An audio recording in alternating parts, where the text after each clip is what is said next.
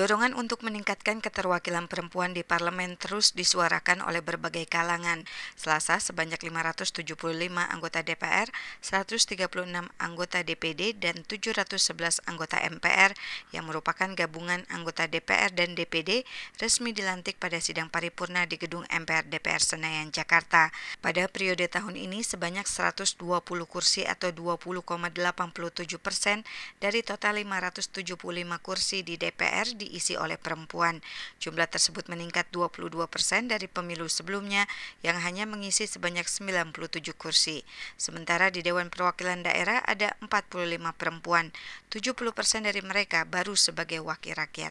Sekretaris Jenderal Koalisi Perempuan Indonesia Dian Kartikasari kepada VOA Rabu mengatakan, dengan latar belakang yang berbeda-beda, tantangan terbesar yang dihadapi saat ini adalah bagaimana menyamakan visi tentang isu-isu strategis terkait dengan hak-hak perempuan dan anak serta masyarakat secara umum, karena tidak semua dari mereka memahami isu-isu perempuan ini.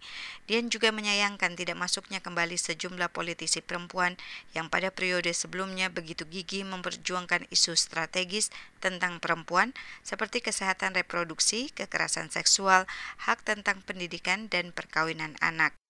Orang-orang yang punya pemahaman cukup baik tentang isu-isu kesetaraan gender dan dia tahu peta betul di DPR. Meski jumlah keterwakilan perempuan di DPR meningkat, namun tingkat keterwakilan perempuan di parlemen masih di bawah 30 persen. Menurut Dian, hal tersebut disebabkan sejumlah faktor.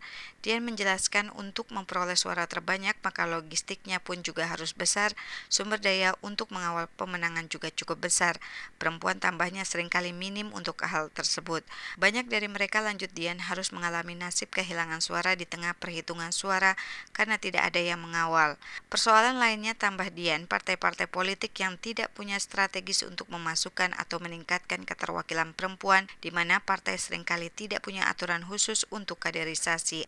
Anggota DPR dari fraksi Partai Keadilan Sejahtera, Ledia Hanifa Amalia menilai peningkatan jumlah keterwakilan perempuan di DPR akan menguntungkan dalam memperjuangkan isu-isu perempuan.